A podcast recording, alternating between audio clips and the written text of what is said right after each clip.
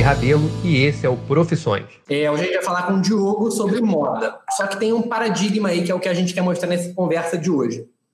O Diogo, apesar de trabalhar com moda, ser um cara pô, muito influente, está viajando muito entre mundos aí que a gente vai explicar lá na frente, o Diogo não é formado em moda. O Diogo é psicólogo.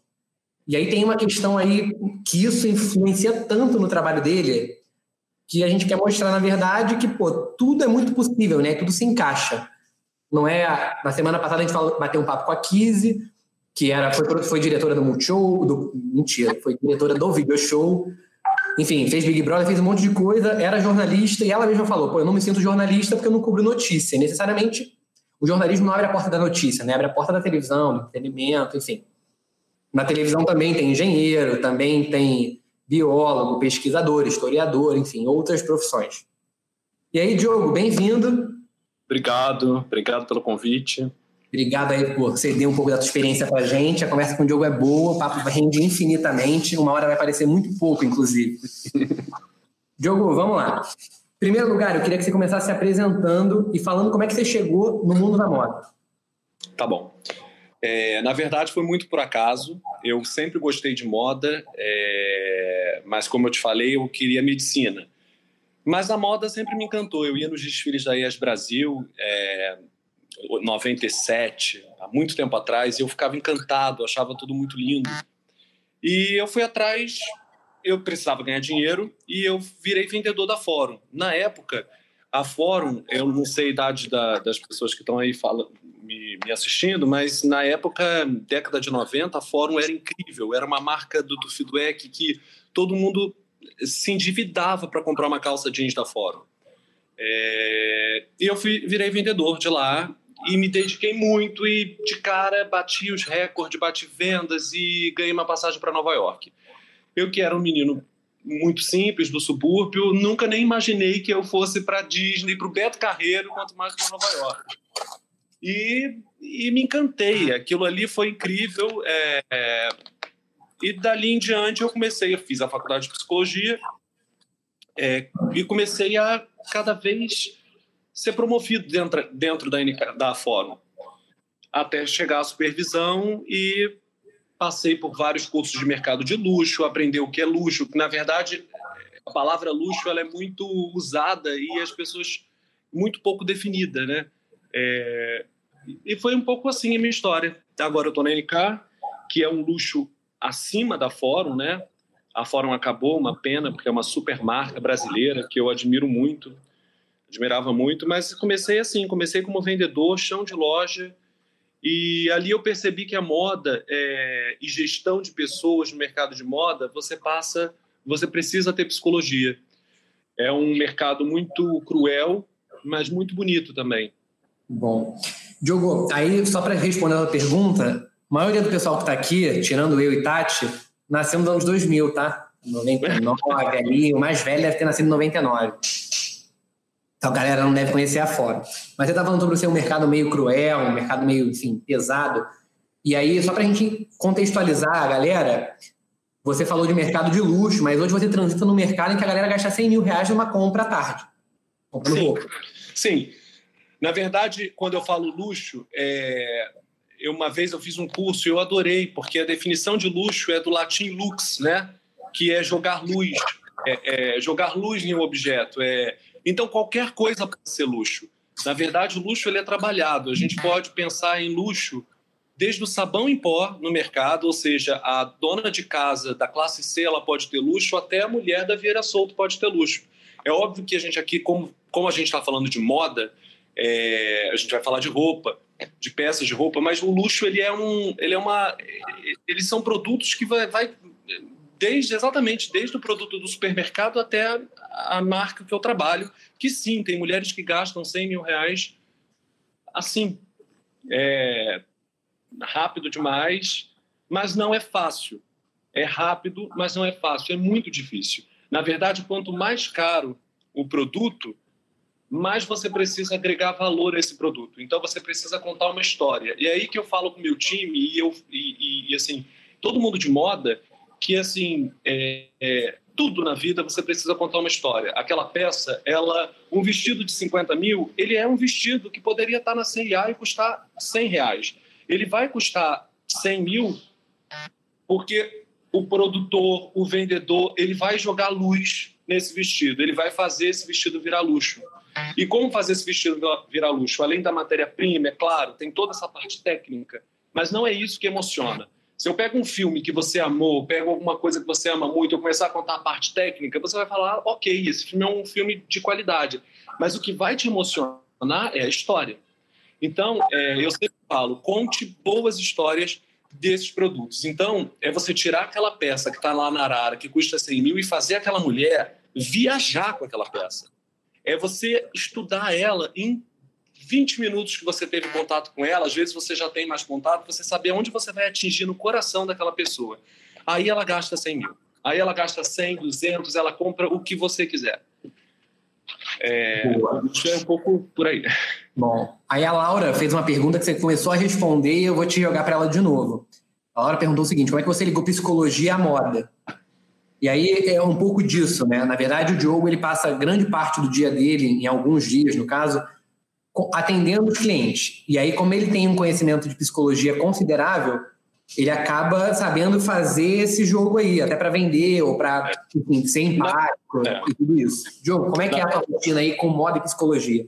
Na verdade, assim, é, o meu dia ele é dividido em duas partes, né? Eu tenho que fazer, eu tenho que fazer toda a parte de gestão da marca, da, de gestão de luxo. Então, é desde compra até pedido dos, das peças, tecido, é, reunião com o estilista, reunião com a parte com, com, o financeiro para saber valor, que aquilo, que aquele preço, que aquela peça vai custar, é, reunião com o marketing para a gente entender onde a gente vai, é, qual a próxima cena, o que, que a gente está pensando para coleção de verão. Agora a gente já está pensando em coleção de inverno 2021, quer dizer, como é que vai ser esse inverno depois da pandemia? A gente vai ter brilho? A gente vai ter festa? Será que, será que não é hora de fazer umas roupas um pouco mais baratas e um pouco um custo menor e mais para ficar em casa? Eu não acredito nisso, tá, gente? Eu acredito que é mais para ter. Eu acho que as pessoas vão sair cada vez mais, ninguém vai aguentar mais online, live, ficar em casa, vai todo mundo sair.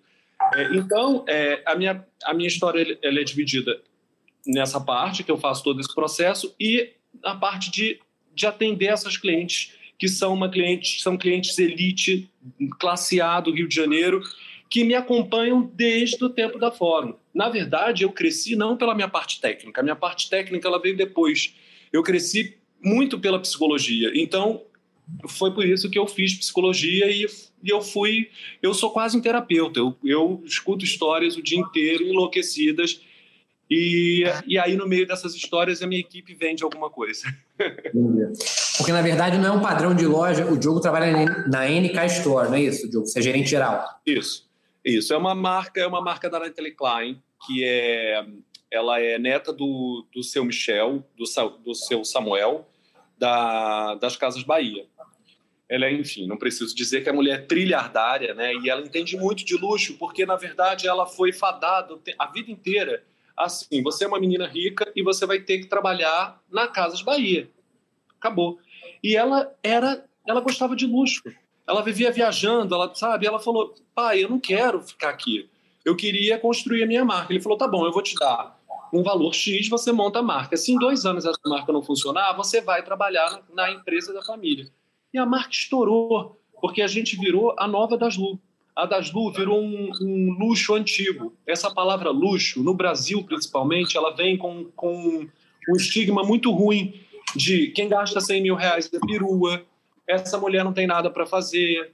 Então, é, é, é, cafona, o luxo é cafona. No Brasil, ser do luxo virou ruim, exatamente porque a gente é um país muito desigual, muito, muito você falar que você gastou 100 mil numa marca, ou que eu vendo 100 mil e que eu acabo achando esse valor barato, me torna antipático. Então você precisa, na verdade, criar uma conexão com a realidade de alguma forma.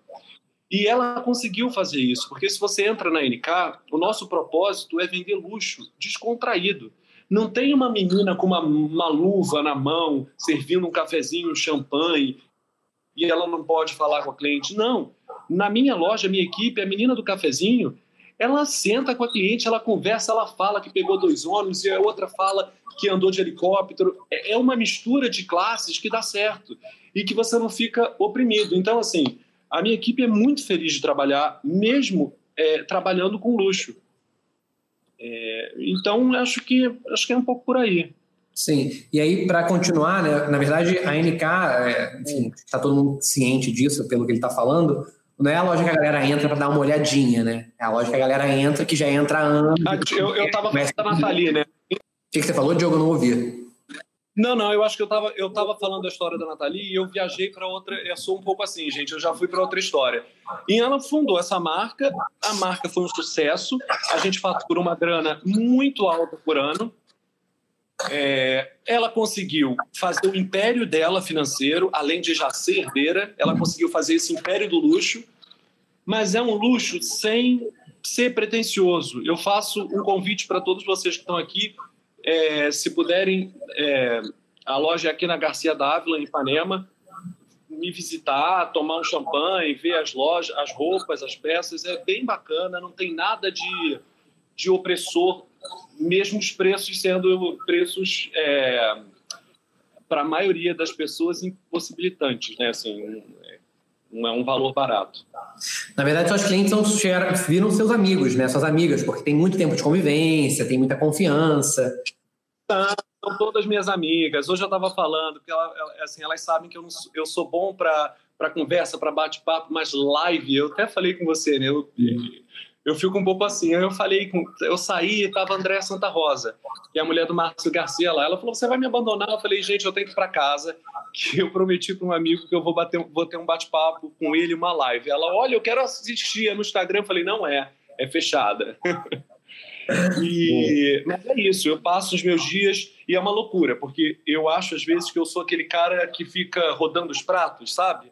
Equilibrando os pratos, porque ao mesmo tempo que eu tenho uma reunião importantíssima para definir a próxima coleção, eu estou ali embaixo fazendo a, o, o, a venda, o campo de venda, é, que também é tão importante, porque se você não fecha aquela venda, você não tem como pagar fornecedor de couro, que é uma fortuna, fornecedor de paetê importado, que é uma fortuna. É, campanhas que você tem que botar um bom fotógrafo, modelos incríveis, é tudo muito difícil. Entendi. E aí, enfim, você estava falando para a gente que você acabou de dar esse exemplo aí, que você também interage muito com a próxima coleção, com a próxima definição, enfim, com tudo isso. E na verdade funciona bem porque você também está na linha de frente, né? Então você ouve seus clientes, entende e dá seus pitacos lá na criação, no estilista, enfim, quem está produzindo de fato aquilo. Como é que é o teu meio de campo? Na verdade, o que é, é, são cabeças muito diferentes, né? O, o estilo eles são muito criativos, mas eles fazem coisas às vezes que não são comerciais. Então, eu vou dar um exemplo: fazer um vestido meio Lady Gaga, todo de brilhante, preto, é, que, que custa, sei lá, 45 mil, se ele for curto, eu não vou poder vender, porque a maioria dessas mulheres já não querem mostrar joelho, entendeu? É, é, não é um valor que todo mundo tem. Na maioria dessas mulheres já passaram dos 50 anos.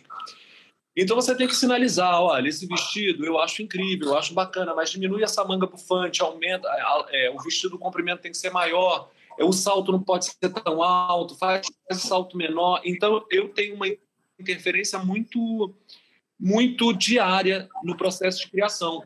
É, é óbvio que eles não podem deixar eu dar palpite em tudo, porque senão eu, eu saio da parte comercial e viro estilista, e não é isso. Mas eu eu tenho que trabalhar bastante com elas para a gente poder ter uma compra assertiva.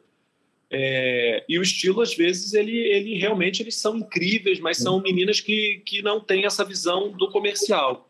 Como, por exemplo, a gente está agora, eu acabei de ter uma reunião falando exatamente desse inverno, do próximo inverno. Como vai ser? Como é que é? Porque é quase uma previsão. É, elas acham que as pessoas vão ficar mais em casa. É um, é um pensar de, de fique em casa.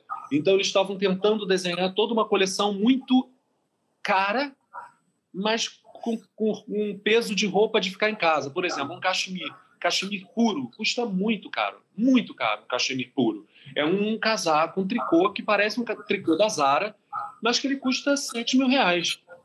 É difícil demais vender no Rio de Janeiro um tricô desse, porque para você fazer é, a história em cima daquilo, criar uma história em cima desse casaco é difícil, muito mais do que um vestido. Você cria uma ideia de que a mulher está na Grécia com esse vestido, tomando champanhe com o marido, o vento bate no cabelo. Você faz uma cena para essa pessoa. E ela leva essa cena, ela não leva esse vestido. E eu não acredito, junto com a minha equipe, porque eu sentei, conversei, eu não acredito que, que a gente vai é, querer ficar em casa, querer ficar nessa coisa mais é, espiritualizada. Eu acho que o mundo é, vai acontecer como aconteceu no século passado, no século, né, no, no século retrasado, é, que teve a, a gripe espanhola e no ano seguinte as pessoas enlouqueceram. Foi o maior, maior boom é, é, de aquecimento financeiro no carnaval, em todos os aspectos. Então, eu acho que 2021 vai ter festa doidado, vai ter paetê, as pessoas vão querer fugir do preto. E aí eu coloco um pouco dessa minha visão para o estilo. E o estilo já começa a pensar, ok, então a gente não está tão certa de fazer só roupa para casa. E começa a fazer e criar mais em cima do que da minha proposta. Entendi. E na verdade é uma definição que, assim, apesar de ter um status quo, a Nathalie, enfim, quem mais está fazendo moda aí, esses nomes consagrados, elas meio que ditam isso, né? Elas dizem que é bom e de fato se torna bom. Elas têm uma aura, um elan em volta daquele produto que elas produzem. Mas a questão é a seguinte: não dá para destoar muito, né? Porque assim, não dá para ela falar que a roupa de casa é roupa de casa que vai ser a tendência e todo o resto do mercado faz roupa de sair, por exemplo. E ela está perdendo espaço. Hoje em dia, hoje em dia é, é, é, com a moda globalizada, todo mundo faz um pouco de tudo, né? Todo mundo copia um pouco de, de, de tudo, assim. Ninguém vai mais só em uma em uma fase. Antigamente era assim, todo mundo fazia é, era é, revisitando a década de 60, que eu acho linda, revisitando a década de 70. A última coleção a gente revisitou muito a década de 80. É, depois veio o minimalismo do 90, que, que não me encanta tanto, mas tá aí. E depois de 2000 para cá, é tudo releitura. Então, a, a, moda virou, na verdade, uma grande salada. Você não tem mais... É, você não tem mais um, um, um ponto, sabe? É, você pode fazer o que você quiser. Então, eu, eu acho que ela, se ela só fizesse roupa de ficar em casa, sim, estaria perdendo um público. É, tem que fazer tudo, tem que, tem que ir do esporte até o, o super o preta o super luxo vestido mais de festa, de gala, de baile, que é mais difícil de, de, vender, né? Não é uma coisa comercial. Quando a gente fala em número, em faturamento, não é o que não é o que não é o nosso bate-caixa que a gente chama. Entendi. E aí só para fechar essa questão da moda que você falou, né? que é ela tem que produzir um pouco de tudo, enfim, e afins. É, também a gente fez uma live outro dia com Alexandre Espírito Santo, que é um economista, enfim, né, das galáxias, da Orama, de investimentos e afins. E aí, você me falando essa história dos achismos, porque é isso, né? Você imagina e tenta desenhar um cenário que você imagina que as pessoas vão ficar em casa ou que elas vão sair pra caramba. Você não tem certeza disso, é um achismo, é um estudo que você viu que uma outra pandemia saiu dessa forma, pode ser que saia igual, pode ser que saia diferente. Como é que vocês lidam com essa variável, né, de alguma forma? Então, é uma aposta, porque a aposta, na verdade, Felipe, é... você começa a fazer na, próxima, na própria compra. Por exemplo, essa compra agora é assim: eu vou encolher ou eu vou comprar mais? Eu vou comprar muito tecido? Se eu comprar muito tecido e não vender, eu encalho. E liquidação é uma tragédia para a moda, porque você perde, você, ali é só para não encalhar mesmo. Então começa, aí já, a gente já entra na parte financeira mesmo. Você começa a ter que fazer estudo é, quase de previsão é, de quanto você vai vender. Então se eu compro é, numa, coleção eu gastei 10 milhões, eu tenho que vender no período, no período de seis meses, eu tenho que vender no mínimo 50 milhões. Aquilo ali, o dinheiro que eu tirei da empresa, os 10 milhões que eu tirei para gastar, eu preciso, no mínimo, botar 50. Porque senão você não você, você paga aluguel, paga funcionário, paga motorista, tudo, os fornecedores, é, não, não dá. Então começa com essa previsão e na maioria das vezes a gente tem que acertar. O bom gestor ele tem que acertar. É, é, é, é isso, é previsão. E quando não tem a pandemia, eu acho até vou é, vou mais longe nisso. Eu acho até que ficou mais fácil com a pandemia. Você pensar nesse nesse 2021 é isso. Aonde a gente vai estar em 2021? A gente viu semana passada umas pessoas enlouquecidas no bar no Leblon, enlouquecidas na rua. Foi capa do jornal o Globo. Aí, no dia, cinco dias depois, foi capa de novo no jornal o Globo, a mureta da Urca. Depois eu passei por Botafogo. Botafogo não é capa do jornal, né? É capa mais o Leblon, porque eu acho que é onde as pessoas gostam de pegar mais. Mas estava lotado. Então você imagina 2021. Eu acabei de. Eu não posso falar o nome dessa cliente, mas eu acabei de, de atender uma cliente que ela falou: Diogo, eu vou fazer uma festinha para 60 pessoas agora no sábado, só que vai na entrada vai ter o meu segurança pegando o celular delas e colocando, porque não pode ter foto. Eu sou uma pessoa pública, famosa, se sair uma foto que eu dei festa, eu, eu tô na capa do jornal. Mas ela vai fazer a festa. Entende? Então, assim, imagina 2021.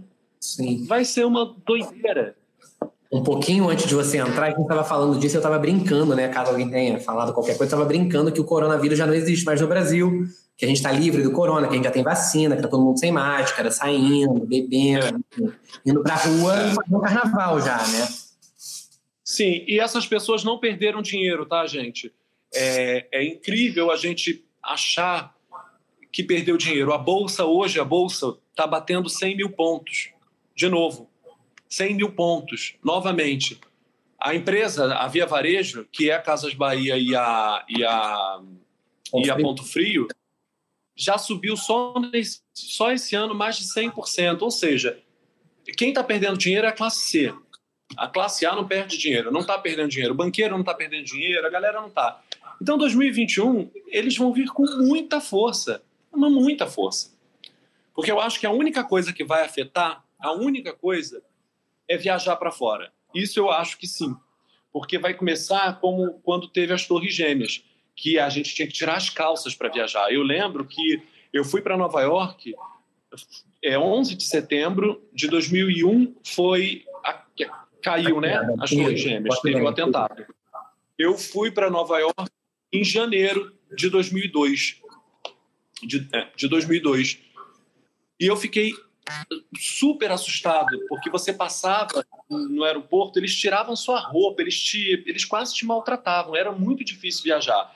Então, acho que vai ter, junto com o passaporte, uma carteira de que você está de que você tá bem, tá, tá, com uma, tá com boa saúde, vai ter medidor de febre. E isso é um porre, né? Eu fui para a China, e a China, na verdade, antes de tudo isso, ela já tem o medidor. Sim. E quando eu passei, eu lembro que estava com uma febrezinha e eu fui parado. Eu quase não pude entrar. Eu falei, gente, pelo amor de Deus, eu vou ter que voltar daqui? Não, eu, eu tenho que entrar. E acho que para viajar vai ser mais chato. Entendi. Então, o turismo vai, o turismo internacional ele vai ele vai sofrer. E aí, o que, que a moda tem a ver com isso? A moda tem a ver com isso que a gente vai ter que olhar para a gente, para a brasilidade. E isso a gente bate muito no estilo da NK. A gente não quer, a gente não quer ver coleção lá de fora, de Milão, de nada. A gente quer é cada vez mais regional, entendeu? Então, assim, tem paetê no Brasil bacana? Vamos comprar do Brasil, vamos ver essas mulheres que fazem tricô e vamos tentar entender essa moda, porque as pessoas vão começar a ter que viajar pelo Brasil.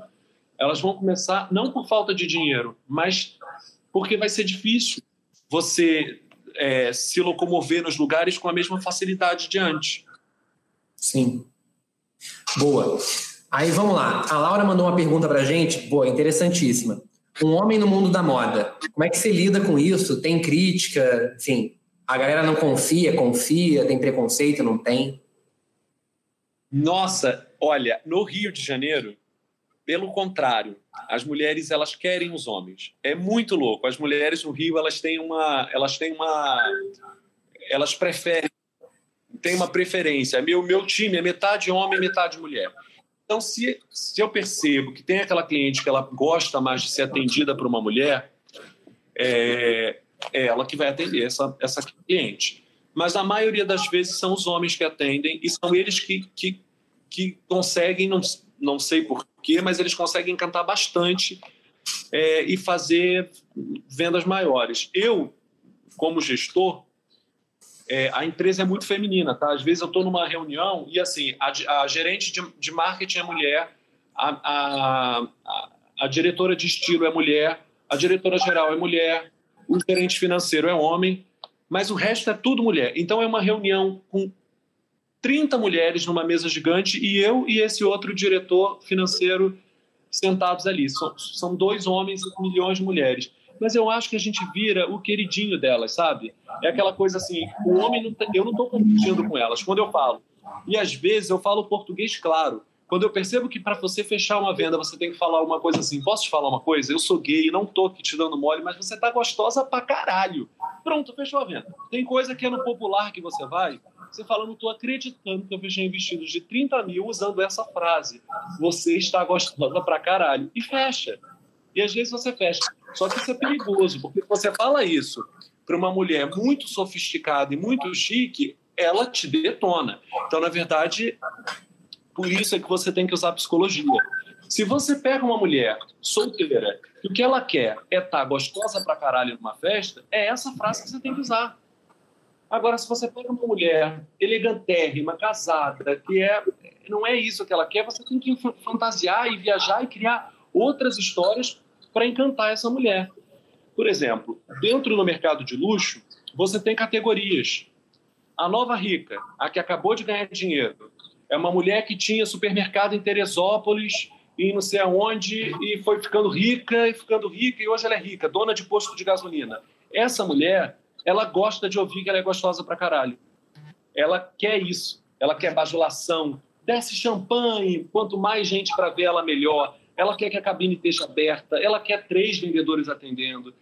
Se você pega uma herdeira, uma Monteiro de Carvalho, uma pessoa de família, ela vai falar baixo. Se eu falar que ela tá gostosa pra caralho, ela manda, ela me manda demitir. Então ela é uma mulher que ela quer ela dificilmente ela, ela vai ela quer que eu entre na cabine, ela não sai da cabine. As cores são mais suaves. É, é outro processo. E aí você tem você tem que ir você tem que ir tateando, porque às vezes você não sabe. Tem as executivas, tem aquelas mulheres que chegam lá e elas assim: olha, Diogo, eu tenho uma amiga, essa é ótima. É, e ela, inclusive, ela já ela é tão louca que ela já não é mais rica. Agora ela está trabalhando com refugiados na refugiados na em Paris. Refugiados sírios em Paris. Sim. Mas ela, ela, ela veio da Tijuca e ela virou diretora executiva da Record, de marketing, e começou a ganhar rios de dinheiro. E ela entrou na loja, eu, eu, quando eu olhei, eu vi pelo sapato, sem preconceito, tá, gente? Mas eu percebi que não era uma mulher, não era uma mulher que dali do mercado de luxo. Você percebe, você faz um filtro e você vê. E aí, meu vendedor foi atender e falou: Diogo, tem uma cliente ali embaixo é, que ela falou assim: Eu quero que você me coloque com cara de rica. Eu falei, gente, é, vamos lá. Eu desci para ajudar. E acabou que a gente riu e a gente começou a virar. Eu virei muito amigo dela. Virei padrinho de um casamento dela. De tão amigo que a gente ficou. E ela é um tipo que não é nem a, a rica, rica que do posto de gasolina e nem a herdeira. Ela é uma mulher que ela é uma executiva mas que ela veio muito de baixo e ela precisa de orientação. Porque o luxo é aonde eu corto o cabelo, qual é o dermatologista que eu vou, como que eu falo, quais são os melhores restaurantes do Rio, obra de arte, que obra de arte eu tenho que falar, que livro eu tenho que ler, é, como eu tenho que entrar numa reunião com esses diretores. Então, é, você vai montando a vida dessa pessoa, aonde eu tenho que morar, é uma doideira, mas é um personagem que você cria. Que músicas eu tenho que escutar? É meio que isso. Então, assim, você tem, dentro desse universo fashion, da moda, de luxo, você tem a cliente que ela não quer informação, ela só quer gastar dinheiro, são as ricas que acabaram de ganhar dinheiro. Tem essas executivas que são mulheres que precisam se refinar porque elas vieram, eh, elas ganharam dinheiro pelo estudo, pelo esforço mas elas, elas ainda estão ali tateando é, sobre pequenas coisas, como viajar, obra de arte, e tem as tradicionais de famílias ricas, que são, para mim, são as mais difíceis de atender. Sim. Porque elas são, elas são sem desejo. Elas vêm para você sem desejo.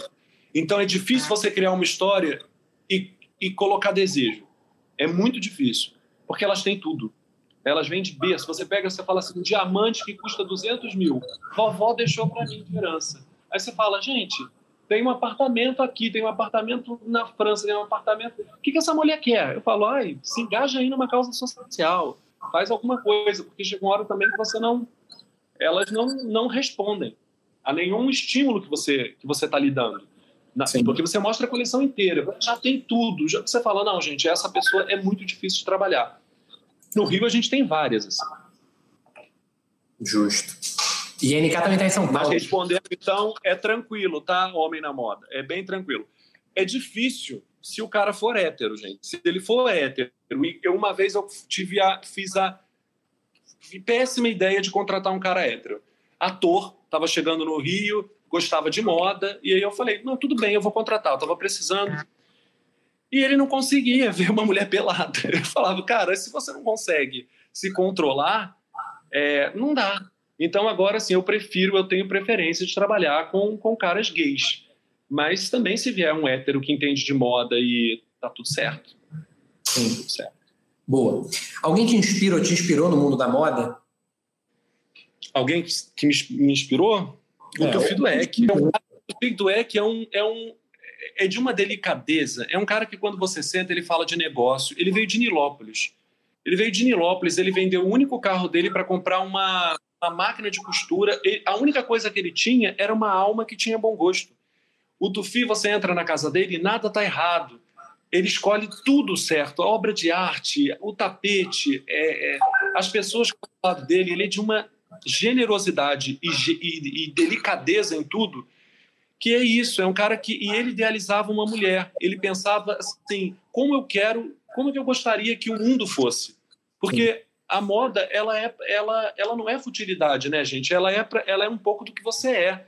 Quando eu coloco uma roupa, esse aqui é o Diogo, é, é, é muito forte, é a minha personalidade, é o meu cheiro, é o, é o perfume que eu uso, é a minha casa, tudo que eu escolhi aqui para fazer parte do meu universo a moda não deveria ser, ser tão criticada como é, como uma coisa fútil, uma coisa menor.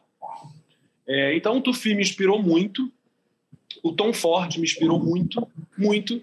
Eu acho que ele pegou a Gucci é, acabada na década de 90 e ele revolucionou, revolucionou fazendo mocassim. E aí você fala, gente, como é que ele conseguiu botar desejo na cabeça do mundo? que aí eu estou falando de mundial. Sim. É impressionante. É, essas duas pessoas. É... Mark Jacobs também gosto muito, mas não me, não me inspira tanto. O Tom Ford, sim. Porque agora ele se reinventou, ele não é mais estilista, agora ele é diretor de cinema. E aí você vê os filmes que o cara faz, Direito de Amar, arrepia, um dos melhores filmes que eu já vi. Se vocês puderem assistir Direito de Amar, o filme é a luz, ele parava para filmar a luz naquela hora certa, porque ele sabia que a luz ia bater no cabelo da atriz e ia fazer um reflexo que ele queria. É maravilhoso. E Animais, o segundo filme dele é Animais. Não lembro sobre o resto. Animais Noturnos. Animais Noturnos. Quem puder assistir esse filme, assista, porque você vai ver uma aula de moda. É uma aula de moda. Boa. Aí, para a gente seguir, a produção de uma coleção leva quanto tempo? Até da criação até a nossa compra, quatro meses. E ela dura quanto tempo na meses, loja? Mais ou menos. Na loja ela dura seis meses. Só que a gente vai fazendo cápsulas, que são mini coleções dentro dessa coleção. Porque o que acontece? Se você dispara tudo de uma vez só, você não cria desejo na cabeça daquela cliente. Então você precisa estar alimentando essa máquina de, de 30 em 30 dias. Então, daqui a 30 dias você lança uma, uma coleção que vai complementar com aquela que está lá. Então, você tem que pensar em cartela de cores, né? Então, não dá para você, por exemplo, porque na hora vai dar um contraste e fica horrível. Então, você tem que pensar em ir clareando do, do vermelho para o rosa. Você tem que fazer uma, uma paleta de cores é, para os seis meses, mas sabendo que elas vão entrando em sequência, elas não entram de uma vez só. E, mas aí antes disso vem a inspiração, por exemplo, essa coleção nossa agora, a gente se inspirou na década de 60, mas tinha toda uma história de uma modelo do Saint e, e aí a gente entrou no universo dela. É, a próxima coleção de, de inverno, a gente está pensando em uma coisa botânica. Então a gente está pensando ainda, tá? É, nem sei se eu poderia falar nisso, mas a gente está pensando na Margaret Mee, é, que é uma inglesa que veio para o Brasil e era apaixonada por bromélias. Então a criação é, é incrível você criar em cima disso, porque você pode você pode pensar no pico da neblina, pensar em algumas coisas com, com muito verde, com, com lamê, enfim, aí dá para você viajar. Você vira um pouco é, Então começa no né? pensamento. Você monta um enredo em cima de uma história. Você vira um pouco do carnavalesco, né? Você monta um enredo em cima de uma história. Sempre, sempre. Sempre tem um enredo. A gente já fez um de astrologia que foi incrível. Foi uma, uma coleção que super vendeu. Então eram os vestidos que tinham todos os signos dos zodíacos bordados, mas era uma coisa lá. É, você tem que criar um enredo. Você tem que criar um, um, um fio condutor que vai que vai ser a coleção inteira. Você não pode sair disso. E é uma aposta, porque você pode dar uma, você pode dar um pode dar errado. Já deu errado, tá? O Tufiduek era um cara muito autoral. Então na Fórum a gente tinha coleções muito marcadas. Era assim, coleção Baile do Copa. Ele fez uma coleção da década de 40 de um baile que ele viu, ele leu que teve um baile e ele queria refazer esse baile. Então a coleção inteira era em cima do baile. A gente já fez uma coleção sobre o cinema brasileiro, era lindo. Então tinha o, o vestido que era meio que de chão rachado, que era falando é, do sol, filme do, do Glauber Rocha, esqueci o nome. É, Diabo na Terra do Sol, alguma coisa ah, assim. É, enfim, eram vários temas. Ele já falou sobre o carnaval. É, é, é, é, bem interessante. É isso mesmo. Deus e o Diabo na Terra do Sol. Esse é o nome. Ah, tá. É muito criativo, é muito legal a parte de criação, mas eles viajam muito. Se não tiver uma parte comercial, como eu, que estou envolvido com o cliente, e aí eu tenho que colocar. É horrível, mas eu tenho que, às vezes, tirar aquilo da cabeça daquele criador e falar assim: isso não vai vender. E é muito difícil você falar isso para o Tufi Dueck, falar, Tufi, eu amo a sua criação, eu acho esse vestido lindo, eu acho que ele vale 18 mil reais, eu acho, de fato, mas ele não vai vender. E quando você fala isso, a bancada, a mesa fica assim, ó, todo mundo olha para você e diz, mas por quê? Por que você acha que não vai vender? E às vezes você nem sabe dizer por quê, você só sabe que não vai vender. Você fala assim, isso não vai vender. Não adianta fazer comprar esse tecido todo, ele não ele não imprime isso, não imprime esse valor vai ser um custo fazer a minha equipe jogar luz nesse produto. Porque é isso, tem produtos que você joga um pouquinho de luz, ele já, ele já, ele já vem, ele já brilha. Tem outros que você tem que lutar muito.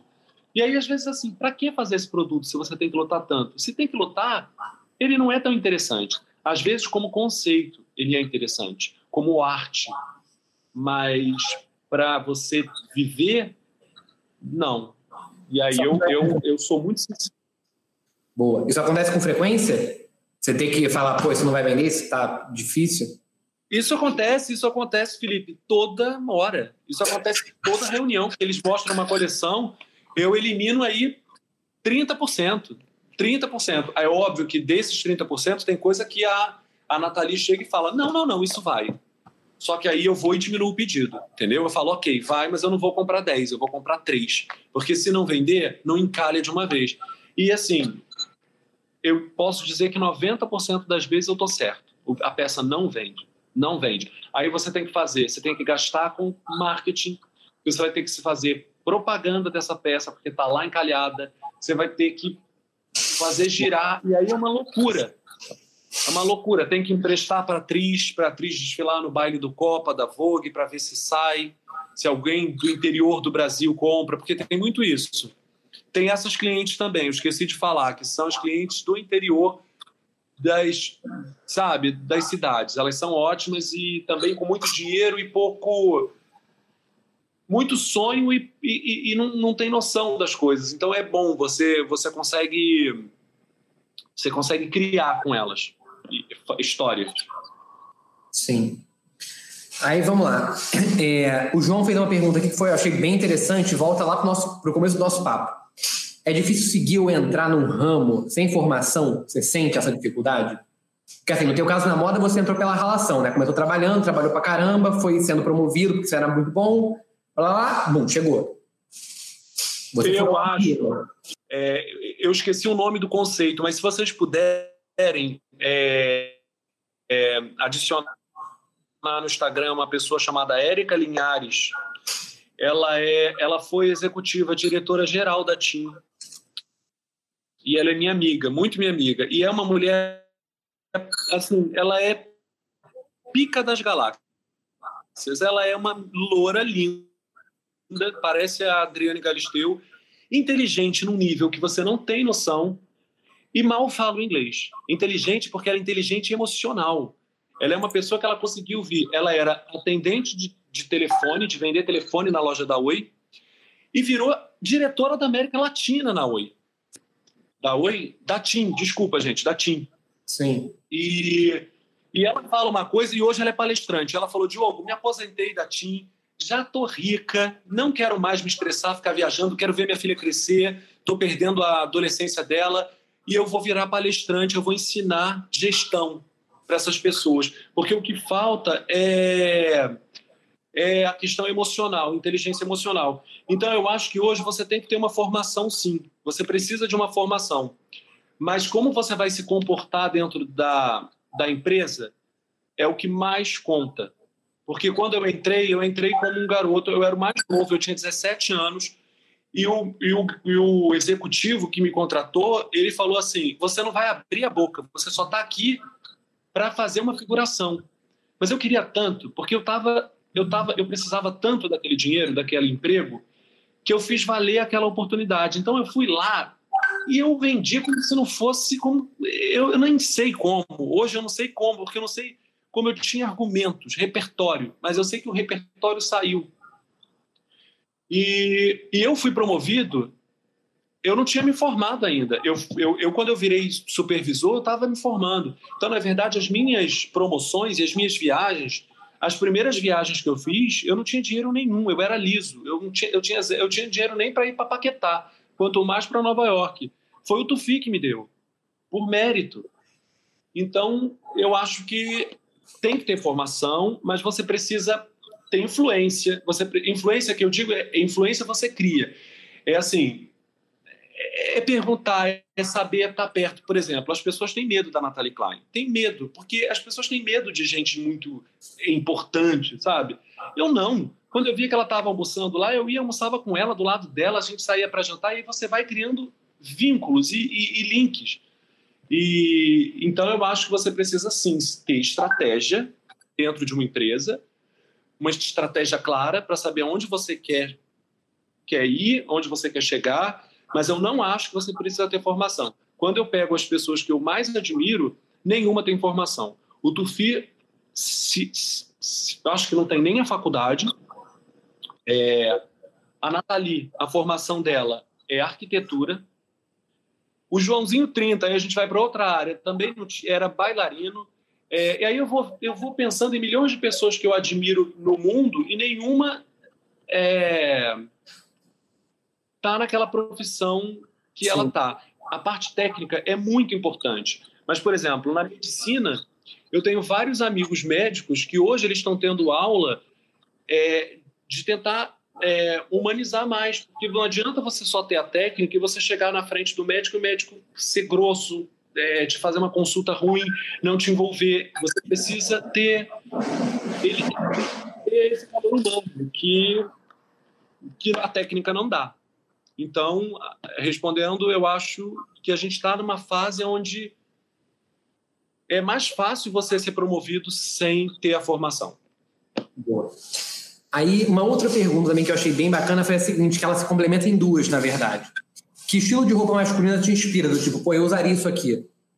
Como é que você se veste, né? Da onde vem o teu vestuário? O que, que você acha maneiro? E a segunda pergunta que eu acho que Cara, eu acho, isso é que você já foi garoto propaganda eu da acho que o homem, ele nisso, ele perde muito, ele Oi? A outra pergunta é se você foi garoto propaganda da sua loja, né? No caso da NK.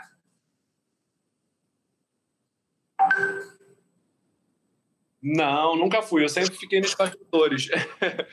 Mas eu acho que o homem, ele, assim, é uma visão minha, tá? Eu acho que cada um se veste do jeito que quer. Mas a mulher, ela, ela, ela pode brincar mais com a moda, com as cores. É claro que você tem que pensar, por exemplo, no tom de pele. Hoje em dia existe um curso que vê o seu subtom de pele. Então, por exemplo, tem mulheres que são loura cinza, que a pele é, é um louro cinza. Ela vai combinar com várias cores, outras não. Eu, as minhas cores, quando eu descobri a minha cartela de cores, que são as cores que eu posso usar e que combina, faz uma moldura com o meu rosto, melhorou muito. É, porque, porque isso melhora a sua apresentação. Então, por exemplo, eu não posso usar azul royal, eu não posso usar laranja, eu não posso usar cores porque eu sou muito moreno, eu sou vermelho, eu sou todo tatuado, eu chego muito. Então, se eu coloco uma cor que chega junto comigo, é uma, é uma explosão. Eu estouro na foto. Então eu preciso de verde musgo, nude, cores calmas, azul claro, rosa claro, branco, preto. Quando você descobre, você já vai certo, você faz a compra certa. Eu não gosto muito de homem muito estampado, é, até tenho estampas, mas as roupas que ficam no meu armário clássicas e que eu levo para viagem, viagens é, que eu faço, é sempre cores muito verde, muita camisa. Eu acho que tipo camisa você tá chique em qualquer lugar e você vai você vai da feira à festa com uma camisa bacana. É, festa à noite social sempre camisa branca ou preta. É, eu sou muito básico. Eu acho que o homem ele não pode usar muito, senão ele fica cafona. É um, um, um deslize para cafonice. A mulher ela já pode brincar mais. É óbvio que tem mulher que erra muito, né? mas ela ela tem uma permissão para isso. E até porque o homem acompanha a mulher. Imagina um homem todo estampado do lado de uma mulher toda estampada. Eu já fui em festas que a gente olhava para o casal e falava: Meu Deus do céu, como é que o espelho não quebrou antes deles chegarem na festa? Mas é uma. É gosto, tá, gente? Porque é, tem estilos, sabe? Se você é uma pessoa muito performática, por exemplo, o Felipe Veloso, que é da moda, é um meu amigo, eu adoro ele. Ele é um personagem, ele é todo colorido, mas é incrível, funciona nele. Mas dizer que é bonito, não é. É incrível, tem um conceito ali. Tem um conceito, ele montou aquele conceito de lisérgico, né, de uma roupa toda muito lisérgica. Mas é, eu, eu, eu sou mais, mais básico. Boa. E aí, vamos lá. O fato de ser uma loja muito né, high, a gente tem coleções mais exclusivas e aí você tem pouquíssimas peças, ou não. É lógico que você não produz igual a C&A, né? Óbvio. Sim. Mas, tipo, e aí? Sim. Porque, na verdade, a gente tem uma parte que foi a, foi a parte que a gente ficou, assim, foi a parte que a NK ficou mais famosa. É, a gente consegue comprar umas peças de grandes estilistas de fora. Então a gente vai para o showroom em Paris, a gente vai para o showroom em Nova York e seleciona algumas peças dessas marcas, que são marcas muito caras é, e muito importantes. Essas marcas, quando chegam aqui no Brasil, a gente mistura com as nossas peças, que é, que é, que é nacional. E a nossa peça cresce, ganha um status bom, e essas outras peças são, são as peças que são pouquíssimas. É um vestido, dois. Você compra um vestido do Balmain, o vestido do Balmain custa 50 mil, 60 mil. Eu não posso comprar três, cinco. Eu compro dois. Ficou é, é tão caro que a gente não conseguiu ouvir. Você travou na hora. Quanto é que custa o vestido? Do qual? Você estava falando do vestido do Balmain. Uma média de 50 Uma média de 40 mil, 50, tem de 10, tem 15, 30, mas são vestidos caros é uma média cara. Ele sabe, ele sabe, é a marca mais cara que a gente vende. É, eu tinha a Laia, que agora eu parei, e essas marcas, elas, elas podem, elas não precisam em todas as coleções. Ou seja, se a gente vai para o showroom em Nova York e, e não gostou do que a gente viu da Stella McCartney, a gente não compra, a gente pula aquela coleção. A gente vai para uma outra coleção. Chloé é uma marca que a gente adora e a gente vende super bem. A gente já vendeu Lanvin, são grandes marcas importadas com preços de, de obra de arte. E, e, de fato são, sabe? São, são incríveis. Boa. Aí vamos lá. Vou te fazer uma pergunta que ela é pô, super indiscreta, você pode ficar super à vontade para não responder, e ela não é direcionada para você, só quero entender uma média do mercado. Qual é a média de salário dessa galera do mundo da moda? Você pode dizer? Posso, claro. Olha, a minha equipe, é, a, a, a, as pessoas base, elas ganham, elas ganham a média mesmo, um pouco a mais, mas é uma média. Os meus vendedores ganham uma média de 25 mil. Tá. Isso com tudo, comissão e afins. É. É por aí. 20, 25, tem gente que ganha 15, agora na pandemia não, né, gente? Na pandemia tá todo mundo ganhando nada. Tá ganhando um piso que a gente está tentando salvar o emprego de todo mundo, porque é um caos. A gente está vivendo um caos. Então, desde março que assim, o faturamento despencou. Então, eu estou falando para vocês um salário é, pré-pandemia. tá. Um gestor ganha mais do que isso, né? É, justo. Beleza. Então, viram que o salário é bem maneiro, né? Tá, tá, tá valendo a pena. Oi? Viram que o salário é maneiro, tá valendo a pena. É, trabalho, assim, é um trabalho, é um trabalho vale, é um trabalho cansativo, para assim, muito cansativo. Ela é, é você está o tempo todo ali trabalhando, mas é gratificante, é bem legal. Eu, eu adoro, tá? Eu, eu sou eu amo fazer gestão de pessoas, porque é engraçado quando a gente fala do mercado de luxo, mas eu me dou muito bem com a equipe de apoio. E às vezes eu adoro. Outro dia eu estava numa loja, no Saara, sei lá, e aí a vendedora estava, vai freguês, não sei o quê. E eu falei, gente, eu adoraria fazer gestão desse lugar também. Ia ser divertido fazer uma gestão aqui. Eu gosto de pessoas, é isso, sabe? Não importa se elas estão no luxo ou não, porque é o que eu te falei, Felipe, luxo. Quem define o luxo é você. A minha a menina da auxiliar de serviços gerais, eu, eu consegui dar um aumento para ela. Então o salário dela foi para 1.900, 2 mil reais, 1.900.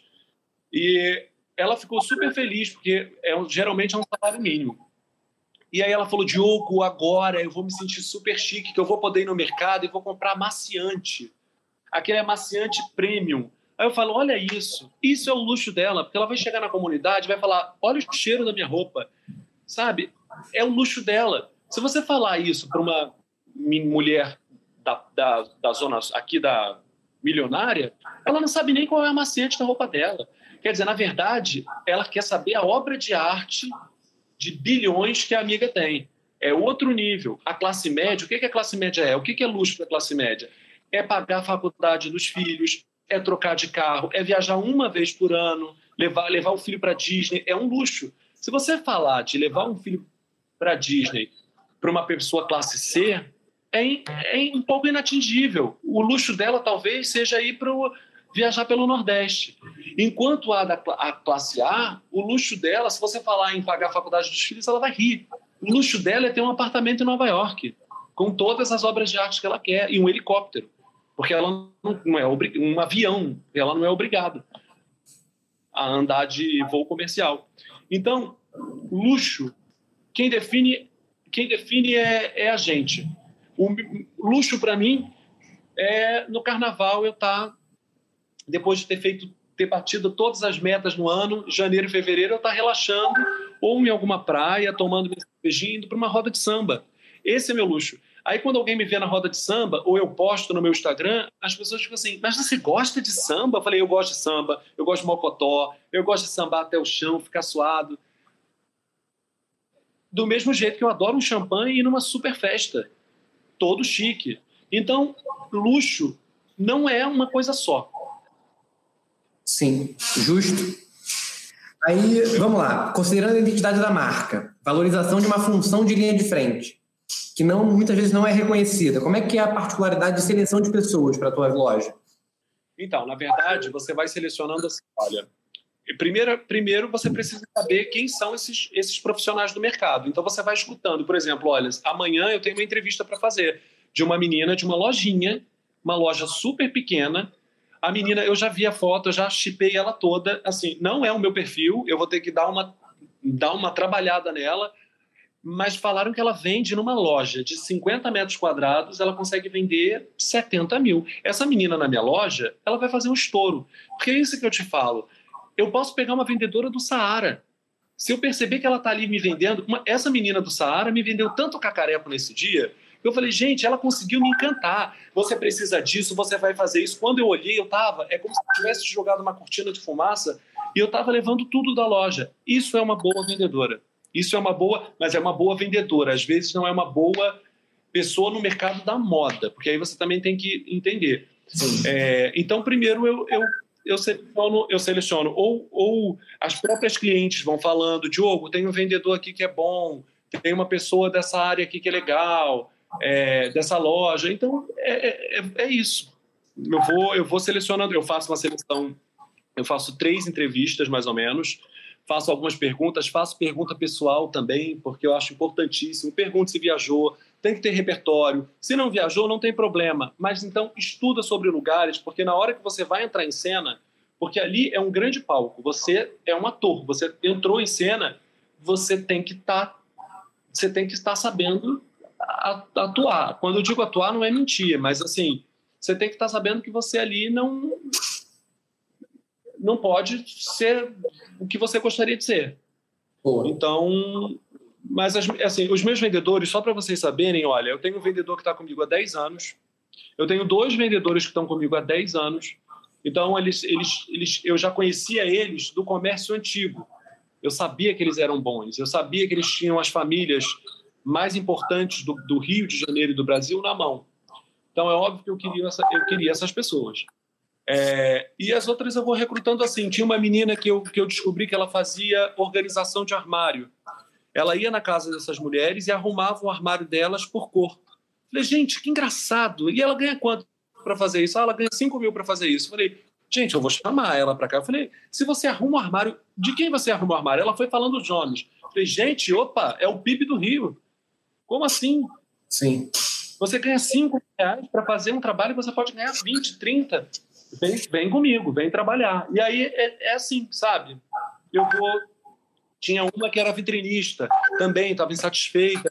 Eu, eu vi que ela tinha, ela, ela, ela tinha feeling para coisa. E às vezes eu erro, e aí eu demito. E a, a maioria das vezes eu acerto. Boa. Para fechar, quem quer fazer moda, qual dica que você daria hoje? O cara está querendo fazer faculdade de moda, e aí?